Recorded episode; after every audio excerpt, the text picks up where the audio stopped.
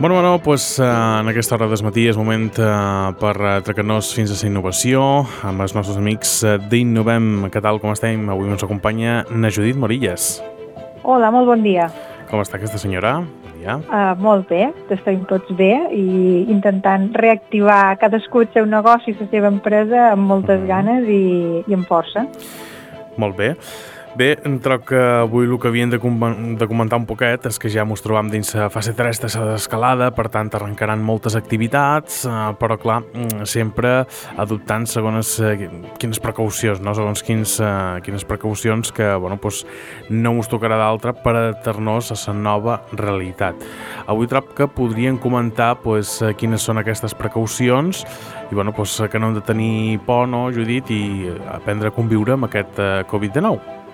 Uh, correcte, mira, avui vos volíem proposar en aquest espai de ràdio que mos oferiu pues, xerrar un poc de, de potser d'un sector de la població que crec que fins ara ha quedat es marge d'aquesta desescalada, que és el sector infantil i juvenil. Clar. A partir d'avui, fase 3, eh, la normativa permet fer activitats eh, de lleure educatiu, activitats d'oci. Sí que es ve que a partir d'avui, fase 3, és a partir de 6 anys, i ja en fase 4 es permetrà activitats d'oci a partir de 3 anys, però jo crec que tots estaríem d'acord en que després de tant de temps de tancament i de confinament, eh, els fiets i societes necessiten eh, reprendre les seves activitats, els seus jocs i també els seus aprenentatges d'una manera lúdica, d'una manera divertida, que en definitiva són les activitats de lleure. Uh -huh. No, i està clar, perquè forma part del seu desenvolupament, no?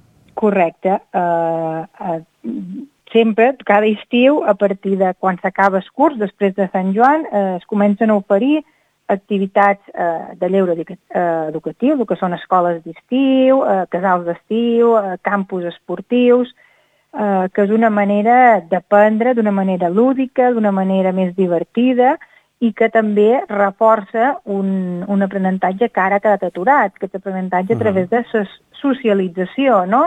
Segur que el que més enyoren és jugar amb els amics i sortir a fer activitats, a fer tallers, eh, fora de tant de temps tancats a casa. Precisament eh, aquestes activitats de lleure educatiu són les que es permeten a partir d'avui i també estaran permeses a partir de la fase 4 i és important saber com han de ser perquè les famílies i els fiets i les tietes sàpien un poc com seran aquest any eh, aquestes activitats de lleure. Wow que un fiet o un adolescent li costa no, a vegades comprendre de, pues, que això que hi ha que adoptar Bé. unes mesures? jo sóc de l'opinió que són els que primer ho han entès. Ah, bueno. Uh, que, que estan sí, tot, no? Sí, que en general estan acostumats a complir unes normes, a complir unes rutines. Jo crec que a vegades m'ho costa més en els adults, no?, això de complir les normes, que i molts intenten cercar la trampa, i jo crec que els fets ho, ho entenen i jo, bueno, els fets que he vist darrerament pel carrer eh, veig que ho estan fent molt bé. Eh, per tant, simplement és continuar ensenyant i fomentant aquestes noves rutines d'higiene, que ara mhm. tots eh, ens hem de conscienciar, no? Eh, neteja de mans, el que ens estan dient constantment, i, i això són unes rutines, uns nous aprenentatges que en les activitats de lleure d'estiu també s'hauran de, de reforçar, eh, netejar de mans eh, freqüentment, Evidentment, en el moment que socialitzen, que juguen, eh, impedir el contacte 100% és impossible, però si tu ho reforces amb un hàbit d'higiene, de, de, de conscienciació, jo crec que tot és compatible. Aquest any, a més a més, s'han fet una sèrie de modificacions damunt la normativa i els grups són més reduïts, eh, s'estableix eh, grups reduïts de màxim 10 fiats eh, amb un monitor o en alguns casos de 20 amb dos monitors. Uh, per tant, uh, es permet molt la personalització, l'individualització i estar un poc més atent en el compliment d'aquestes noves normes d'higiene i de protecció, no? Uh mhm. -huh. Judit, uh, a lo millor mm, costarà més uh, en els adolescents, en els més menuts, tornar a un espai on conviuen amb altres infants i que tenen, bueno, pues, eh, que relacionar-se, etc etc. Antes ho dèiem, que a lo millor és el que estan desitjant a hores d'ara, però després d'estar tanta estona tancats, mmm, allò com, no sé, com si tinguessin un poc de síndrome de la cabanya, no?, que s'està dient aquests dies. Mm, jo que les darreres setmanes he tingut opció de xerrar amb moltes famílies, sí que es veu que eh, algunes famílies sí que m'han comentat que alguns tiets eh, els hi fa un cert respecte, una certa por al fet de sortir al carrer, de trobar-se amb altra gent, això vol dir que el missatge de protecció i de prevenció eh, l'han entès molt bé, no? del distanciament, però jo crec que després de quasi tres mesos de, d'estar tancats a casa, el que realment necessiten per reprendre aquest procés d'aprenentatge, aquest procés de, de, de maduració personal, és reprendre eh, el que els va quedar eh, tancat a partir de dia 13 de març, no? és a dir, els adults, mica en mica, hem tornat a la feina, hem tornat a la nostra vida, diríem, normal, no? les nostres rutines diàries, i ells no han tingut l'opció de tornar a la seva vida normal, la seva vida de joc, d'experimentació, d'aprenentatge, eh, de jugar amb els amics. Jo crec que tenen el dret eh, de poder reprendre aquestes, aquesta seva vida, aquest seu, el seu dia a dia, de, de jugar, d'aprendre, i jo crec que aquí a Menorca hem de ser molt conscients d'una cosa, és a dir, ens estan dient, es recomanen les activitats a l'aire lliure. A Menorca, per sort, tenim Mare un, munt, mm. tenim un munt de natura, tenim un munt de platges, tenim molts de camins, um, tenim unes escoles o uns equipaments públics que per sort tenen patis, tenen jardins, tenen horts, uh, ho, ho hem d'aprofitar en el màxim, és a dir, hem d'aprofitar en el màxim tots els recursos disponibles, tant a mm. nivell d'espais municipals, de fet, uh, la normativa i les institucions recomanen fer xarxa, és a dir, si podem emprar no sé, invento, un hort, un pati, un jardí, eh, un parc municipal, doncs els hem d'emprar com a espais, eh, també d'espais econòmics, afavorir que tothom hi tingui accés, és a dir, que ningú es quedi fora d'aquestes activitats educatives que ara són més necessàries que mai, i per altra banda aprofitar tots els recursos de grans professionals del lleure que des de fa molts anys es dediquen a oferir aquest tipus d'activitats. Hem de confiar amb els professionals del lleure educatiu, que, que per això són professionals i saben com s'han de fer les coses. Uh -huh. Judit, eh, quin missatge llançaries en els pares eh, que tenen por dia d'avui de, de dur els seus fills eh, en aquestes activitats no? i se prefereix, prefereixen a lo millor deixar-los amb els l'avis o bueno, optar per una altra alternativa no? en vez de que bueno, pues, eh, els seus fills puguin acudir a aquestes activitats de lleure i també puguin tornar un poc a relacionar-se amb els seus amics. Sí, mira, precisament la setmana passada xerrava amb una mare que em traslladava una mica aquesta por, aquesta respecte no? a tornar a tenir contacte amb, amb el, bueno, el fill seu, amb els seus amics i tal, i jo li vaig dir una cosa que em sembla que és molt bàsica, és a dir, no tingueu por de demanar eh, a l'organització del vostre casal d'estiu, de la vostra activitat d'estiu, eh, per exemple, quin tipus d'activitats fareu? Fareu activitats en espais tancats o en espais oberts.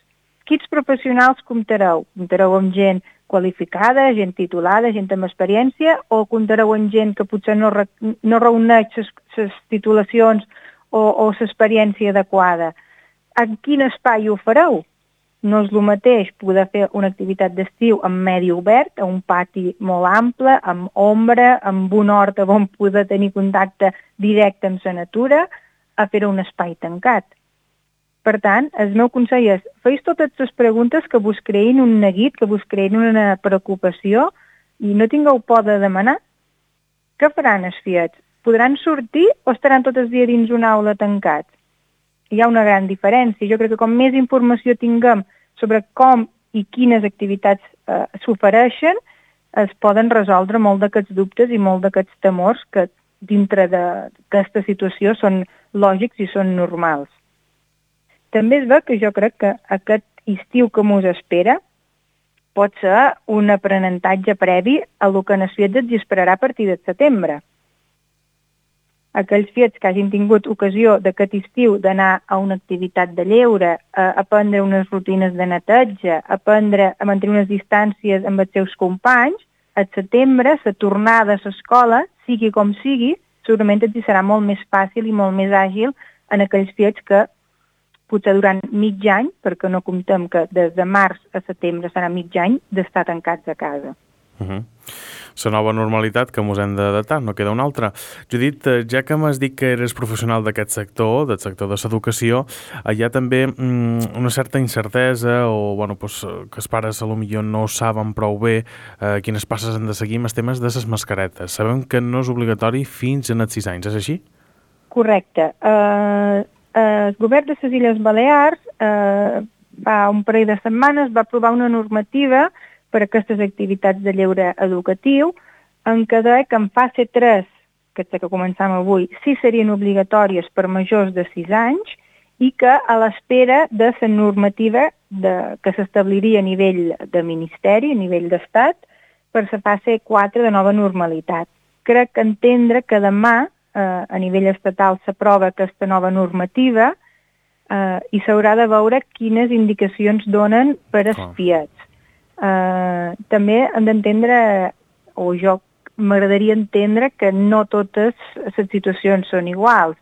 Jo, per exemple, m'imagino un campus esportiu eh, de futbol o de bàsquet o el que sigui que se'n fan al llarg de l'estiu, difícilment poden fer uns entrenaments o, o, o uns jocs esportius amb mascareta posada constantment. Per tant, jo crec que hem de ser una mica raonables, una mica flexibles, és igual que aquella activitat que es fa en medi obert. Si es fa en medi obert i es poden mantenir les distàncies, mm, potser no són necessàries les mascaretes. Jo a dia d'avui no tinc la resposta de si s'hauran de dur o no s'hauran de dur. Uh -huh. uh, crec que dic que demà el Ministeri de Sanitat uh, publicarà aquesta nova normativa de, de nova normalitat i uh -huh. esperem que resolgui alguns dubtes. Però, bueno, mm, jo crec que tot ha d'estar dintre una lògica raonable, no?, de, de sí o, o de sí no. Una cosa és que es faci, per exemple, una sortida amb transport públic o amb, amb un autobús i dins d'un espai tancat on estarem una estona, doncs sí, és recomanable, no? Però fent una excursió a l'aire lliure per un camí de cavalls meravellós que tenim aquí a Menorca, mantenint les distàncies potser no seria tan ja necessari.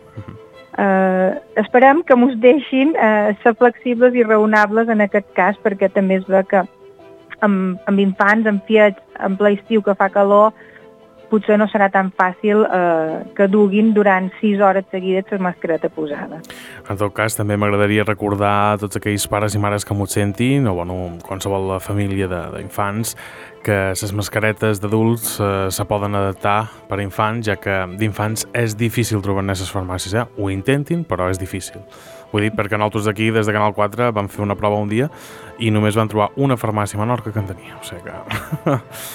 És difícil. Sí, eh, és difícil i, bueno, que si estem intentant promovent activitats en medi obert, de, de contacte amb natura, d'experimentació, de, de jugar en medi obert, doncs potser, a més a més, requerir-los una mascareta, potser jo crec que seria més eh, òptim fer altres tipus d'aprenentatge de, de rutina, no? El que dèiem mm. abans, de netatge de mans, de mantenir les distàncies.